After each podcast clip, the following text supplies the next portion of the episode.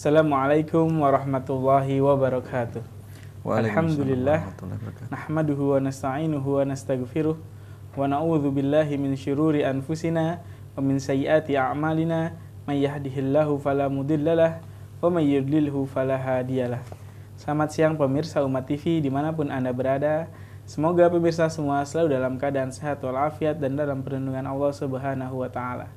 Siang hari ini kita bertemu kembali dalam acara Tafsir Pendidikan Islam.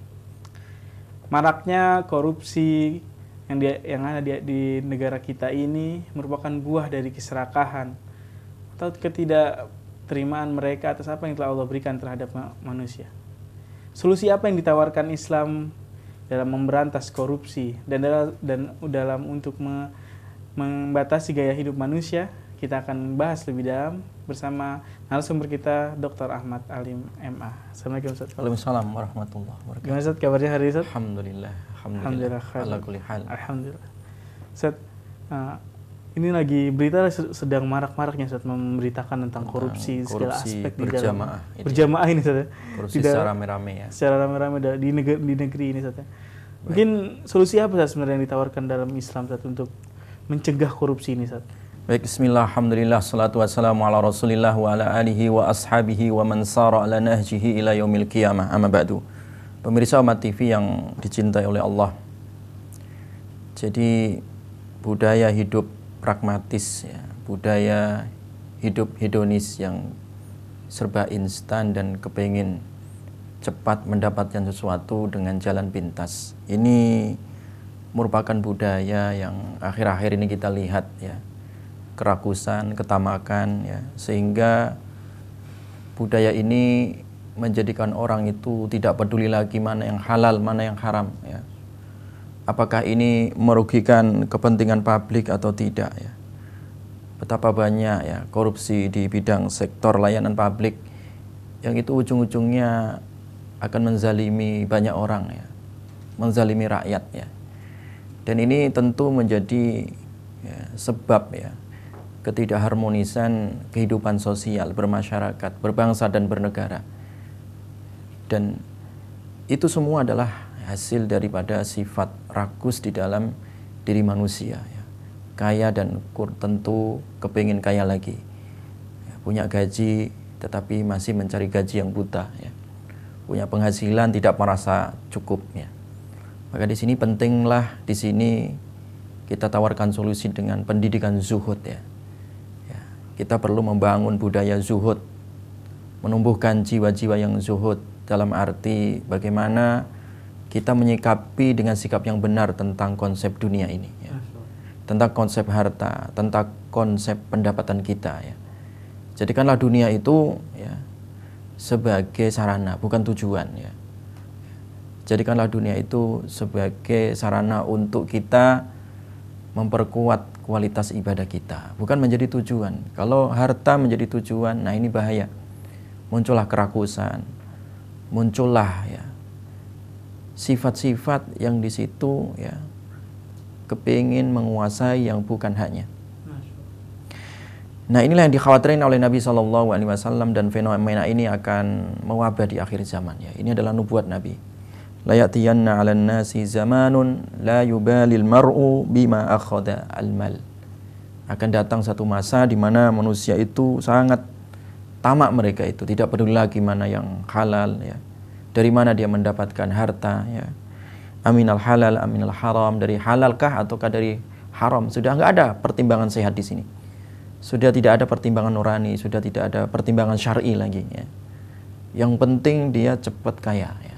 Yang penting urusannya beres. Padahal urusan yang beres yang dengan instan, dengan dia menghalalkan segala cara itu tidak akan pernah beres sebenarnya. Sebenarnya tidak akan selesai. Tidak akan selesai dan justru akan bertambah masalah baru. Ya. Masalah baru yang akan menjadi penghalang di dalam kehidupannya. Berarti seorang manusia itu ketika beranggapan dengan dunia semuanya selesai itu salah satu. Salah. Jadi artinya menghalalkan sesuatu itu, segala sesuatu itu salah. Ya, sehingga dia tidak peduli lagi mempertimbangkan hukumnya. Ya. Pertimbangannya adalah hawa nafsu dan kepentingan dan keinginan. Nah itu manusia itu kalau keinginan itu tidak pernah ada ujung. Ya. Hmm. Jadi keinginan manusia ya kesenangan yang ingin dicapai oleh manusia di dunia ini yang sifatnya pragmatis itu tidak akan pernah ada ujung selesainya. Semakin haus, dia semakin kurang dan semakin haus, semakin dia ditetesi dengan dunia ini tidak akan pernah selesai dahaga kehausan itu.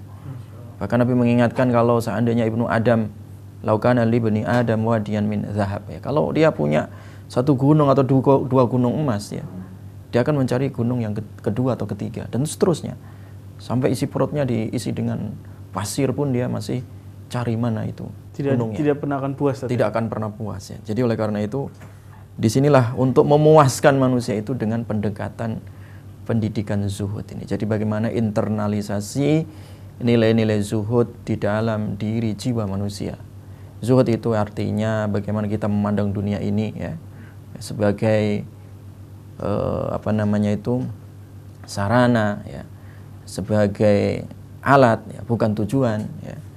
Dunia ini kita letakkan di tangan kita bukan di dalam hati kita ya. Karena kalau dunia itu menempati hati kita ya. Dunia itu disimpan di dalam hati kita. Yang terjadi adalah sifat rakus. Ya. Sifat yang tidak pernah uh, puas di situ ya. Tidak akan ada kona'ah di dalam diri ketika dunia itu disimpan di dalam dada ya. Makanya sahabat itu menyimpan harta ya, itu di dalam di tangannya, diletakkan di tangan, bukan diletakkan di dalam di dalam uh, jiwanya ataupun di dalam hatinya. Makanya di sini Allah Subhanahu wa taala mengingatkan di dalam surah Al-Hadid ayat 20. A'udzu billahi minasyaitonir rajim.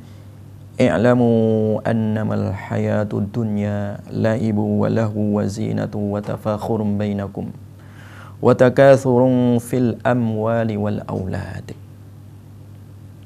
ketahuilah bahwa kehidupan dunia itu ya hanyalah permainan ya permainan sendau gurau ya perhiasan berbangga-bangga ya jadi berbangga-bangga di antara kalian dan juga saling memperbanyak ya lomba-lomba di dalam menumpuk-numpuk harta ya, dan juga bangga-bangga di dalam masalah urusan anak ini sebenarnya isi dunia yaitu ya jadi isi dunia ya yang pada hakikatnya dunia itu adalah fana. Ya. Dunia yang isinya adalah permainan dan sendokuro. Ya. Tiada arti kalau tiada iman di situ. Ya. Maka oleh karena itu, di sinilah pentingnya kita benar di dalam menyikapi dunia ini. Ya. Sehingga pendidikan zuhud ya, ini meluruskan pandangan kita, worldview kita tentang hakikat hidup di dunia ini. Ya.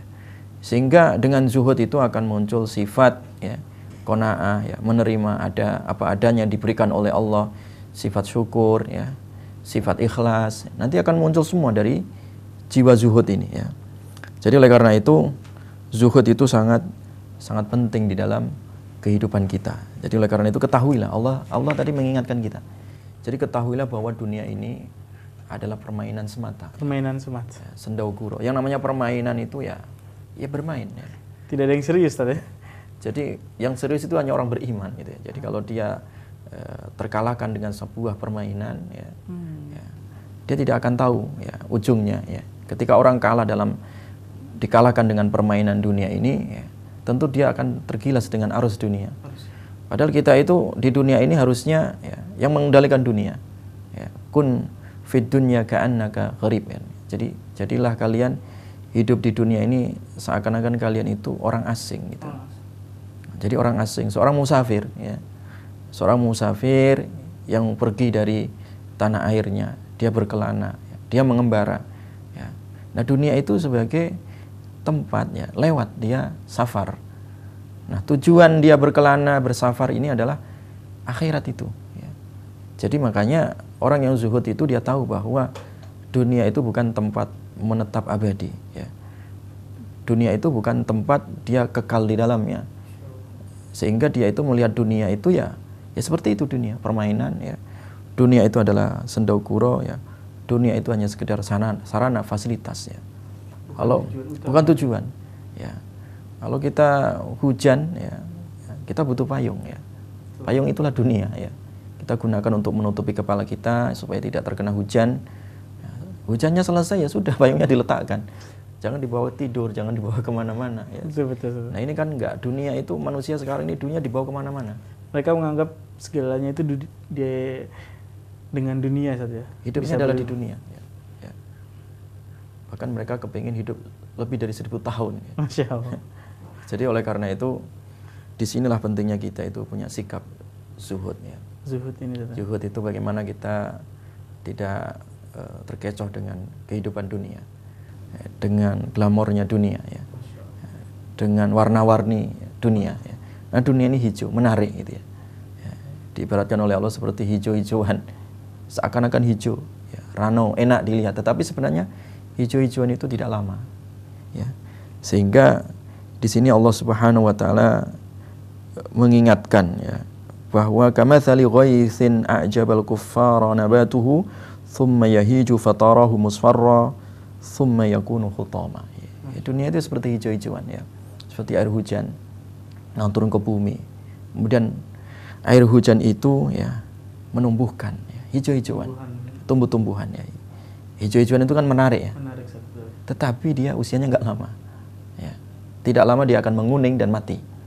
Nah, itu dunia. Tidak akan abadi. Tidak akan lama dan tidak akan eh, pernah abadi. Nah, di sinilah kita pentingnya paham ini, konsep ini, sehingga orang itu nanti itu tidak lagi ada kerakusan di dalam jiwanya. Ya. ya. Orang rakus itu kan karena itu tadi menganggap dunia itu segalanya, segalanya dunia itu akan membahagiakannya, dunia itu uh, sebagai sarana untuk cepat populer, ya dunia itu bisa kita mendapatkan jabatan, dunia itu kita bisa mendapatkan apa saja yang kita inginkan. Padahal tidak. Ya, padahal tidak ya. Maka oleh karena itu eh, di sinilah kita sebagai seorang muslim memiliki sifat yang jelas dan tegas ya terhadap masalah dunia ini. Jangan kita di dikalahkan dengan dunia. Kita yang harus mengalahkan dunia. Kita yang harus mengalahkan dunia. Kita yang harus mengalahkan. Subhanallah. Dunia. Kita lanjut pada segmen selanjutnya. Subhanallah. Menarik saya tentang zuhud ini kita akan lanjut pemirsa setelah pesan-pesan berikut ini tetap di Tafsir Pendidikan Islam Umat TV. Masih bersama kami dalam acara Tafsir Pendidikan Islam. Ustaz, ah, di era modern seperti ini Ustaz ya. Mm -hmm. Bagaimana sebenarnya metode zuhud itu untuk menghadapi era modern ini seperti apa Ustaz? Supaya tidak terjebak Supaya ya. tidak terjebak di dunia ini Ustaz. Yang serba menggoda Yang ini. serba menggoda, serba menarik kita ini Ustaz. Bismillah, alhamdulillah, salatu wassalamu ala rasulillah ba'du. Jadi memang kita hidup di dunia ini lebih-lebih di zaman sekarang yang serba ada ya. Serba mudah dan serba instan. Ini tidak jarang menggoda seseorang dan lalai daripada tujuan hidupnya. Sehingga proses kehidupannya itu terkadang menyentuh hal-hal yang dilarang oleh Allah, dia tidak menyadarinya atau dia sadar tetapi tidak mampu untuk keluar darinya. Nah, ini inilah pentingnya zuhud ya. Makanya ayat uh, surah Al-Hadid tadi ayat 20 tadi itu oleh Imam Nawawi rahimahullah dikaitkan tentang masalah zuhud. Ketahuilah bahwa kehidupan dunia ini adalah permainan ya. ya. Sehingga kita harus menang di permainan itu, bukan dikalahkan. Hmm. Ya. Bukan kita di ditiadakan di dalam permainan itu ya. Makanya Imam Nawawi rahimahullah menukil sebuah hadis ya yang berkaitan dengan ayat uh, surah Al-Hadid tadi ayat 20 ya, dikaitkan dengan hadis suatu ketika datang kepada Rasulullah Sallallahu Alaihi Wasallam ya, seseorang ya, kepada Nabi dan minta satu nasihat ya Rasulullah dullani ala amalin idza amiltuhu ahabbani Allah wa ahabbani nas Ya Rasulullah tunjukkan kepadaku satu amal yang jika amal itu aku kerjakan aku dicintai Allah dan juga aku dicintai manusia. Tentu semua orang mau ini. Dicintai Allah dan juga dicintai manusia. Hmm. tetapi tidak semua orang mau untuk melaksanakan caranya. Nah inilah pentingnya metode zuhud di sini ya, ya. ya. makanya Nabi mengatakan izhad fid dunya. Nah, zuhudlah kamu di di dunia. Yuhibbukallah. Maka kamu akan dicintai oleh Allah Subhanahu wa taala. Wazhad fima indan nas dan zuhudlah terhadap apa yang ada di sisi tangan manusia. Yuhibbukan nas. Kamu pasti akan dicintai oleh manusia. Jadi pemirsa umat TV yang dicintai oleh Allah. Jadi kalau kita ingin dicintai Allah, kita juga dicintai oleh manusia. manusia. Ya maka zuhudlah. Kata kuncinya itu. Orang pasti salah satu kebutuhan hidupnya kan kepengen dicintai Allah. Dan itu pasti. Ya. Dan juga dia di dalam bermasyarakat tentu kepengen dia dicintai juga oleh lingkungan sekitar alias manusia ya tetapi tidak semua orang tahu caranya metodenya apa zuhud nah ini zuhud apa yang diberikan oleh Allah kepada kita kita diberikan dunia oleh Allah ya apa yang dititipkan oleh Allah sebagai amanah. Cukuplah. Dan merasa cukuplah. Merasa cukup. Ya. dan merasa cukuplah bahwa itu adalah pemberian Allah dan pasti cukup. Tidak cukup itu kan karena hati kita yang rakus tadi ya. Manusia itu ya, yang namanya hawa nafsu itu seperti bayi anak kecil itu ya. Kalau nggak disape itu ya. Dua tahun nggak disape dia tiga tahun ya masih ya. Asih. masih asih terus ya. Sampai 10 tahun juga masih ya. Tetapi kalau dia dikendalikan ya dia itu dicoba ya dilatih ya, ya dilatih dan dididik ya jiwanya untuk merasa cukup ya dengan merasa cukup itu dia akan cukup ya gitu karena Allah itu tidak pernah menyanyiakan hambanya di dunia ini. Tidak ada orang nggak dikasih rezeki. Ya, apalagi manusia yang berakal. Ya. Makhluk yang nggak berakal pun dikasih rezeki sama Allah, Pak. Ya. Apalagi kita yang yang berakal. Jadi nggak perlu takut. Manusia sekarang ini kan terlalu takut terhadap dirinya sendiri. Ya. Terlalu takut terhadap rezekinya. Dia tidak takut kepada siapa yang memberi rezeki. Nah itu. Padahal harusnya ya ketakutan kita itu kepada Allah saja. Ya. Masalah rezeki sudah dijamin oleh Allah. Kenapa kita pikirkan sesuatu yang sudah dijamin oleh Allah sebenarnya? Kita tidak memikirkan bagaimana kita memenuhi hak Allah dan kewajiban bagi kita. Nah, inilah pentingnya zuhud tadi. Zuhudlah terhadap apa yang diberikan oleh Allah terhadap urusan dunia ini. Ya. Nah, pasti Allah akan cinta itu.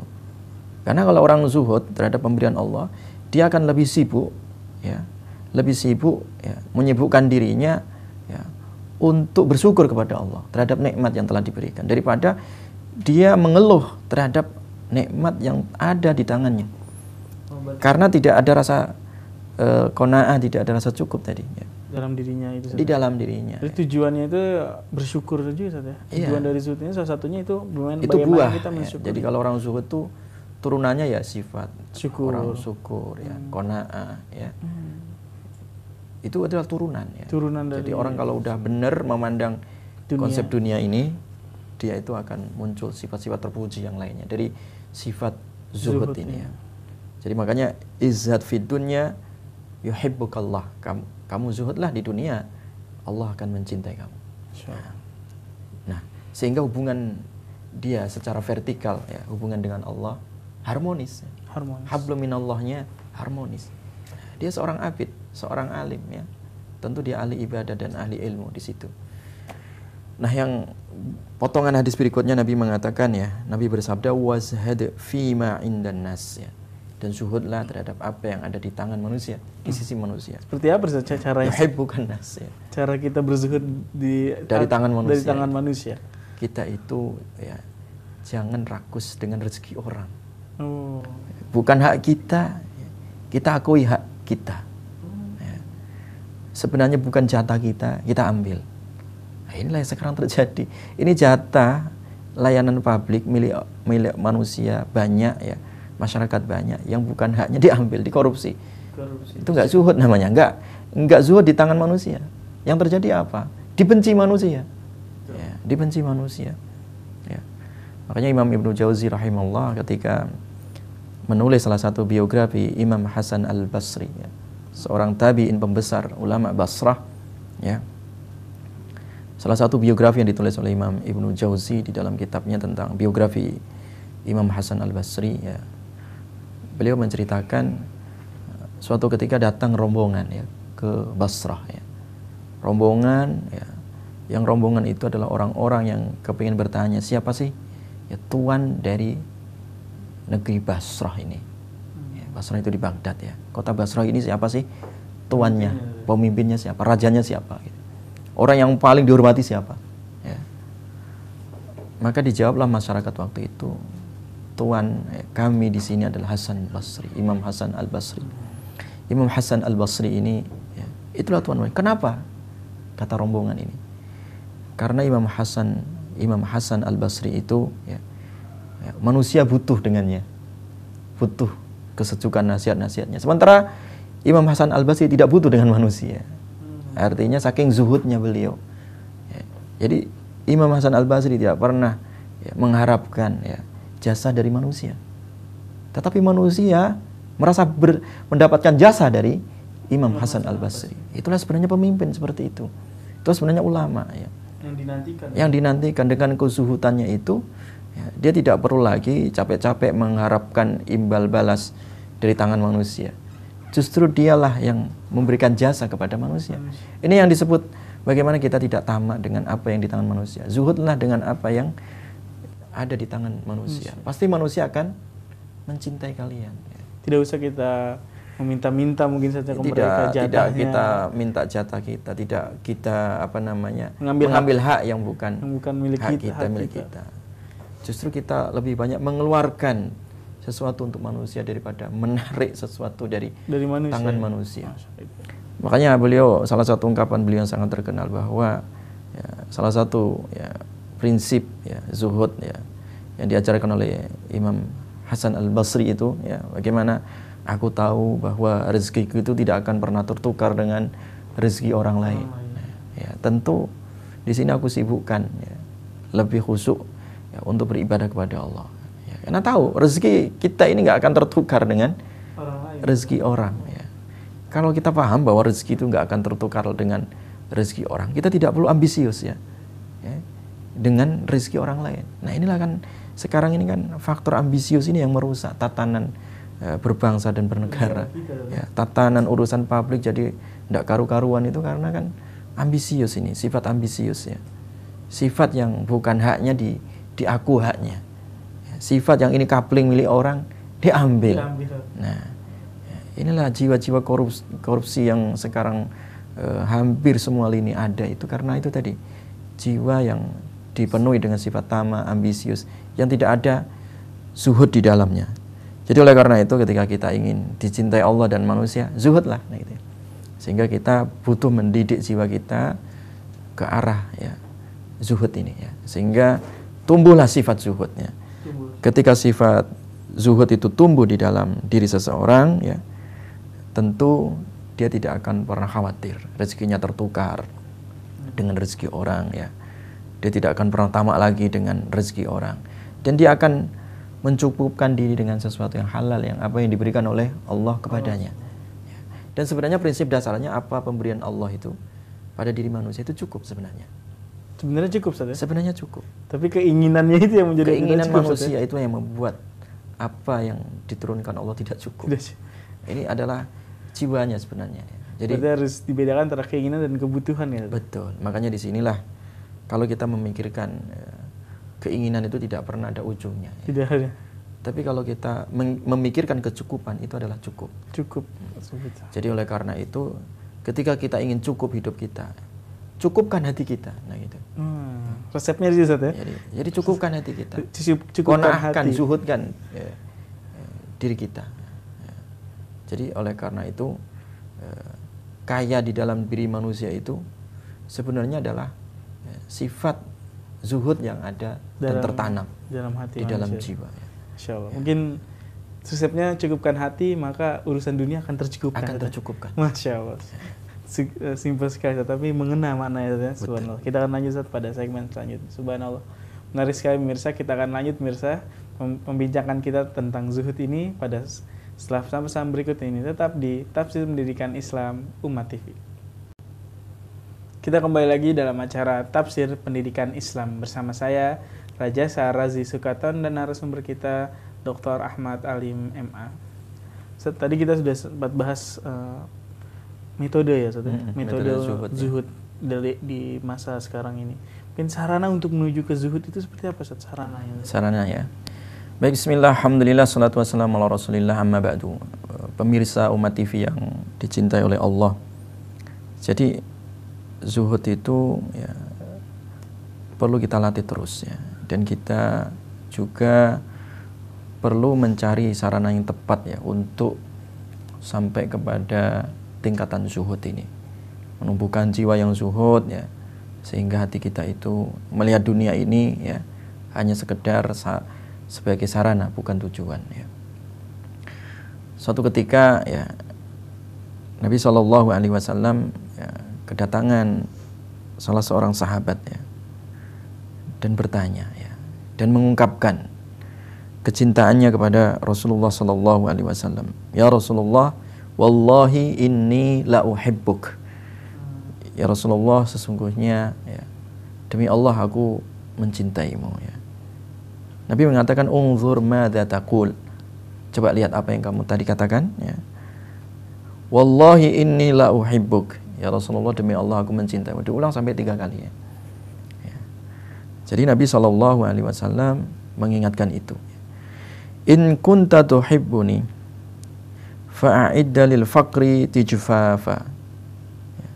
Kalau kamu ya mencintai aku ya, maka sediakanlah ya, ya fasilitas untuk orang-orang fakir. Ya fa innal faqra asra'u ila man yuhibbuni ya. karena orang-orang fakir inilah ya, orang yang paling cepat ya yang mereka itu mencintai aku ya hadis ini ikhwah semua ya pemirsa umat TV hadis ini diletakkan oleh Imam Nawawi rahimahullah di dalam bab zuhud ya. ya dan ini sebagai sarana orang untuk menumbuhkan jiwa zuhud itu ya karena zuhud itu adalah bagaimana kita mengendalikan ya kerakusan diri terhadap harta. Sehingga untuk menumbuhkannya juga bagaimana kita ya melihat harta itu bukan segalanya. Bagaimana supaya kita tidak rakus? Keluarkanlah haknya harta tadi. Makanya Nabi mengingatkan tadi ya. Sediakan ya, ya bahan makanan ataupun pakaian ya untuk orang-orang miskin atau orang-orang fakir ya. ya. Karena dengan kita itu mencintai orang fakir ya, kita paham itu hakikat dunia. Kita akan merasakan penderitaan orang-orang yang mereka susah payah untuk menghidupi dirinya. Ya. Kita akan belajar syukur di situ. Kita akan belajar eh, bahwa nikmat yang kita terima itu masya Allah gitu. Masih banyak di tangan-tangan saudara kita yang tidak mampu, masih banyak saudara-saudara kita yang sebenarnya kurang ya, dari segi materi ya, ya, dari kelayakan hidupnya ya. Makanya di sini di sini adalah salah satu sarana bagaimana kita itu menumbuhkan ya jiwa kita itu ya, sehingga menjadi zuhud ya dengan cara apa tadi tadi mengeluarkan hak dari mengeluarkan harta. hak dari harta itu karena harta ini kan biang kerok daripada itu tadi ya ketamaan. Ketamaan itu jadi makanya kita belajar harta itu harus dikeluarkan. Hmm. Jangan harta itu eh, disimpan terus disimpan dan memutar di tangan orang-orang kaya, kaya saja. Kaila yakuna dulatan bainal aghniya'i minkum. Jadi supaya harta itu tidak berputar di tangan di dompet-dompet orang-orang yang yang kaya, hanya segelintir orang. Ya.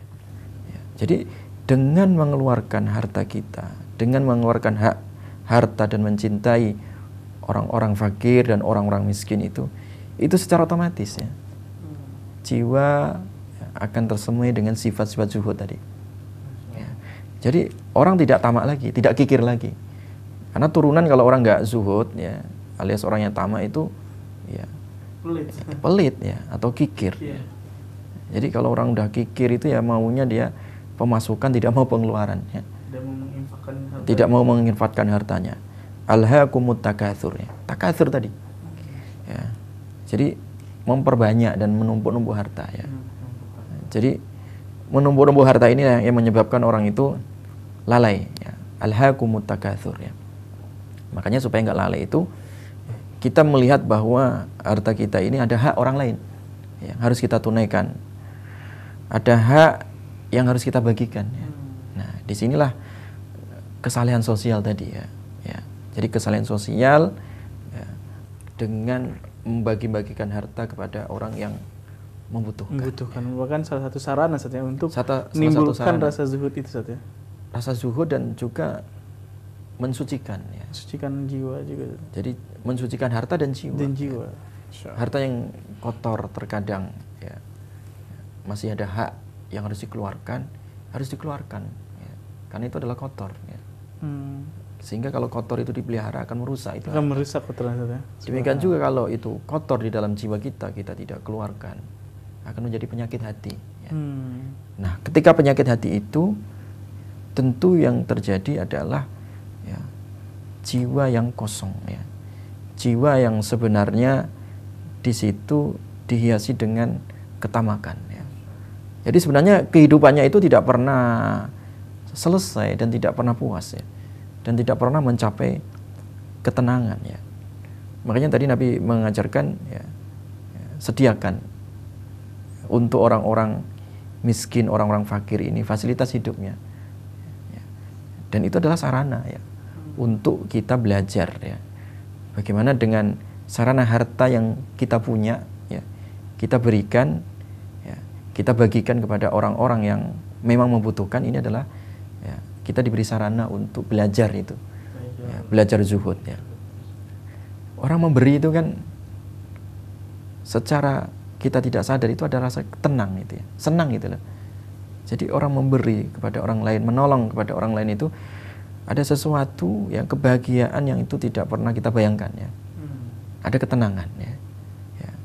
Makanya dengan memberi tadi itu ya, itu dalam rangka kita itu ya melatih jiwa kita itu janganlah harta itu dimakan semua gitu ya. Ya, ada kan orang itu seakan-akan saking rakusnya manusia itu apa yang ada di hadapannya mau dimakan semua. Tidak diberi ke orang Apa yang mau ada di hadapannya mau dihabisin semua. Ya. Mau dimilikin semua. Mungkin uh, tidak mungkin perutnya bisa ter Padahal tidak cukup untuk menang, tidak cukup menampung itu semua ya. ya. Manusia itu terkadang ya, ya keinginannya tadi itu Banyak lebih besar daripada perutnya sendiri terkadang. Ya, sahwat perutnya itu lebih besar daripada perutnya. Dari perutnya itu sendiri. nah, sahwat keinginan hatinya itu lebih besar daripada ya, kemampuan dirinya. Ya. Makanya Ya, inilah kita belajar di sini ya, ya dengan apa yang diberikan oleh Allah ya berupa sarana dunia ini ya, kita manfaatkan seluas-luasnya untuk kebaikan agama kita gitu. Ya. Bukan untuk kebaikan ego kita. Ego masing-masing. Kadang manusia itu kan diberi dunia, keluasan harta, itu kan untuk egonya. Bukan untuk Allah dan Rasulnya. Jadi karena untuk hanya untuk mem memuaskan uh, ego masing-masing yang terjadi itu ya dia menzalimi hak harta tadi ya. Kan orang dolim itu nggak akan pernah tenang ya. Jadi tidak akan pernah ada tumak nina di dalam hidupnya. Ya, tidak ada pernah kebahagiaan di situ ya.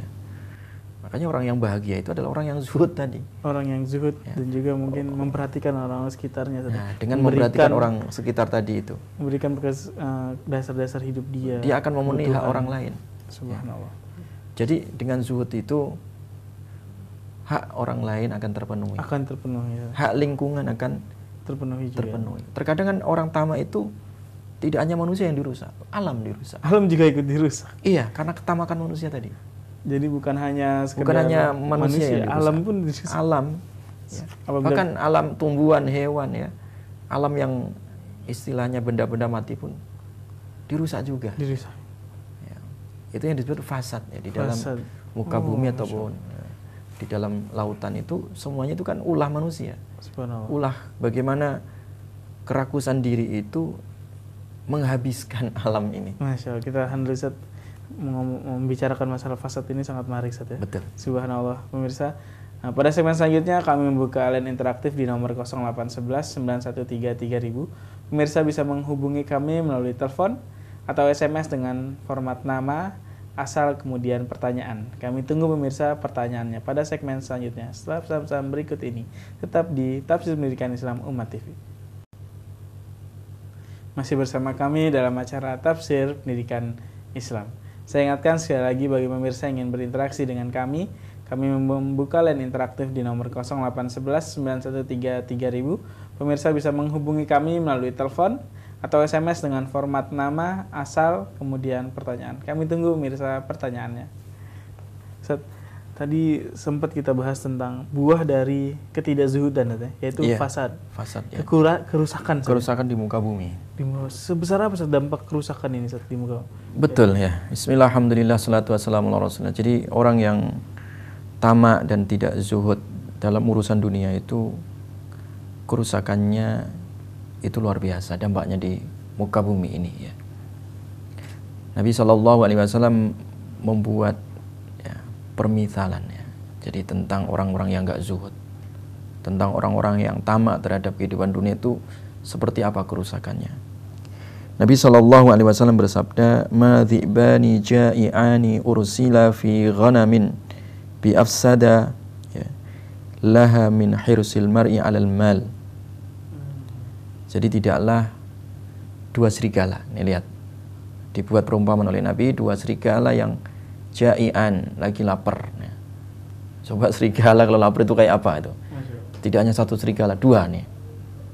Jadi kemudian dua serigala itu ursila fi ghanam dilepas ya, dia melihat satu kambing ya. jadi dua serigala yang berebut untuk ya nangkep satu kambing. Dan dia dalam kondisi apa? Lapar. Lapar ya. Itu merusak nggak? Rusak itu pasti mati langsung kambingnya kan. Diterkam oleh dua serigala tadi. Itu bahaya bahaya. Tetapi ada yang lebih bahaya daripada itu kerusakannya. Ya. Fi afsadalaha min hirsid dunya alal mal. Min hirsid dunya alal mal. Jadi daripada ya itu tadi itu bahaya. Dan ada yang lebih bahaya daripada itu yaitu seseorang rakus dalam urusan harta wasyaraf dan juga urusan kemuliaan atau jabatan. Jadi makanya sifat ya yang ditimbulkan. Jadi dampak dari sifat tamak alias tidak zuhud tadi itu itu kerusakannya lebih dahsyat daripada dua serigala yang lapar yang dia mengejar ya seekor kambing. Jadi artinya dampak yang akan ditimbulkan itu ya, lebih bahaya dan lebih luas ya. Makanya orang-orang yang tamak itu ya kerusakannya itu ya tidak pada satu zona tertentu. Seluruh sektor itu rusak. Jadi terkadang ya, kalau Allah menciptakan ya hewan ya, hewan itu kan mereka itu diberi naluri ya untuk makan apa saja yang ada di depannya, ya kan? Dan dicukupkan hewan buas misalkan. Ya, ya. ya, misalkan kalau orang itu ya di hutan ya atau namanya hewan itu di hutan, dia akan memakan ya secukupnya aja gitu ya. Sekenyangnya sudah selesai. Tapi manusia itu ya Ya, manusia itu saking rakusnya, hutan itu dirusak semua manusia. Padahal orang hutan yang ada di hutan itu ya kalau tahu dia mengambil itu ya secukupnya, tapi manusia tidak sampai rusak satu ya, hutan. Ya, hutan nggak rusak. Makanya ekosistem di hutan tidak ekosistem pernah rusak. nggak pernah rusak dengan tidak orang ada, hutan ya. Iya, orang hutan ataupun tapi singa sekalipun. hutan itu rusak gara-gara manusia. Manusia yang sebenarnya dia paham hutan ya. Tapi karena kepentingan dirinya terhadap hutan ya. Kepentingan dirinya ya terhadap ya ego ya kepentingan ya dan juga ketamakan diri itu yang membuat alam ini rusak. Oke kita sering dengar di beberapa daerah itu sampai-sampai harimau itu turun ke pemukiman itu. Itu karena itu tadi dirusak ah, dengan ah. ketamakan manusia ya. Maka oleh karena itu tamak itu akan merusak apa saja. Hutan bisa rusak dengan tamak manusia. Dengan ketamakan manusia ya. tersebut saja. Laut bisa rusak dengan ketamakan manusia ya. Bumi seisinya bisa rusak ini dengan ketamakan manusia tadi. Maka oleh karena itu inilah yang dikhawatirkan oleh Nabi Shallallahu Alaihi Wasallam. Jadi ya, sifat zuhud itu adalah solusi. Ya. Sifat zuhud itu adalah solusi dari semua kerusakan di muka bumi ini. Ya. Dan sifat tamak itu ya, adalah racun, ya, yang meracuni muka bumi ini sehingga rusak, meracuni air, ya, lautan sehingga lautan itu rusak meracuni hutan sehingga hutan itu menjadi rusak ya. daratan juga rusak bahkan sistem sosial bisa rusak. Dari ya. dari, dari sifat tamak tadi.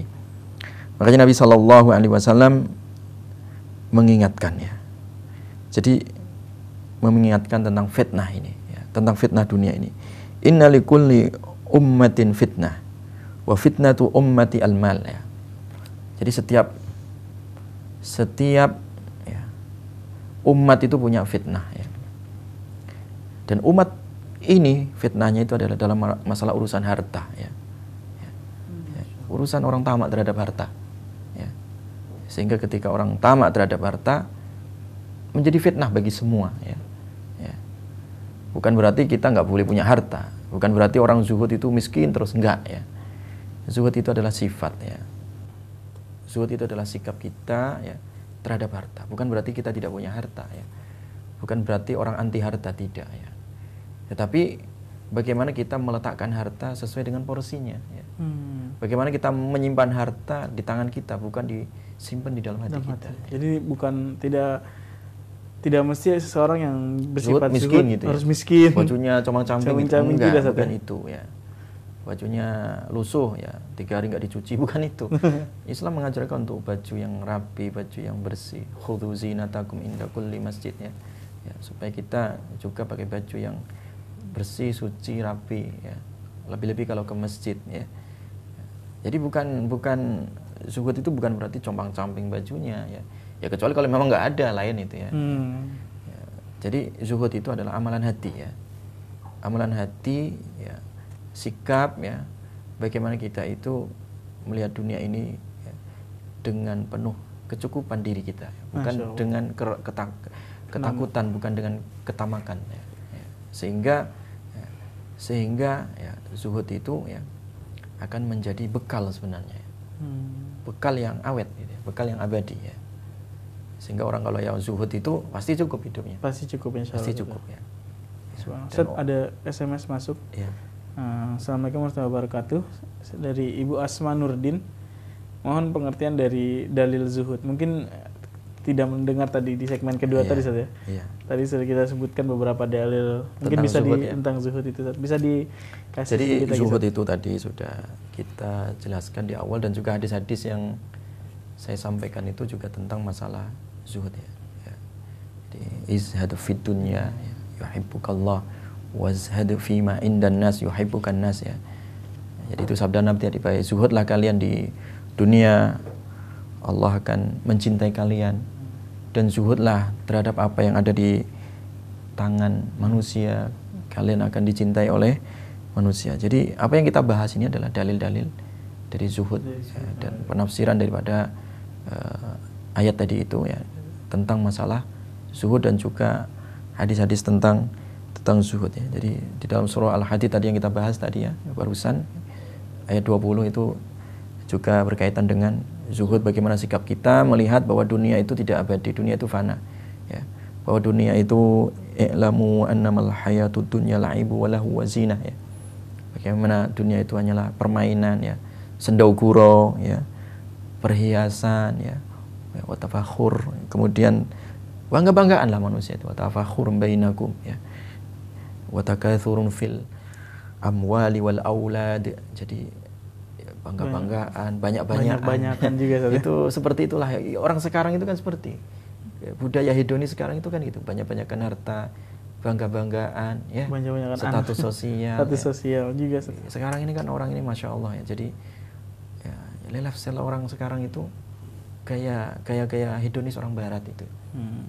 jadi ini dicontoh itu bukan bagaimana kehidupan Rasulullah bukan bagaimana kehidupan para sahabat. Ya. Ya, orang sekarang ini kan dengan muncul berbagai macam fasilitas yang begitu mudah dan canggih ya. Orang terlalu disibukkan itu. Orang terlalu disibukkan bagaimana menghiasi rumahnya seakan-akan seribu tahun digunakannya. Orang disibukkan dengan bagaimana memodif mobilnya. Orang disibukkan dengan uh, apa dengan gaya-gaya hobi dan hidupnya. Ya. Jadi hal-hal sekarang ini serba apa ya serba instan gitu orang serba mudah sekali menghabiskan waktu dengan hanya untuk hal-hal yang sebenarnya kurang bermanfaat dan kurang prinsip itu ya. jadi kalau toh tidak ada itu tidak mati dia itu ya. kalau tidak ada itu ya sebenarnya dia sudah, sudah cukup sebenarnya cuman manusia itu kan keinginannya banyak gitu ya nah, dari keinginan banyak itulah muncul ya berbagai macam cara yang digunakan untuk mengejar itu keinginan Padahal keinginan itu ya terkadang ya kalau tidak disesuaikan dengan syariat ya waktunya mubazir ya. Hartanya terkadang eh, keluar dengan sia-sia ya. Gaya hidup boros ya, ya gaya hidup yang sebenarnya di luar batas normal.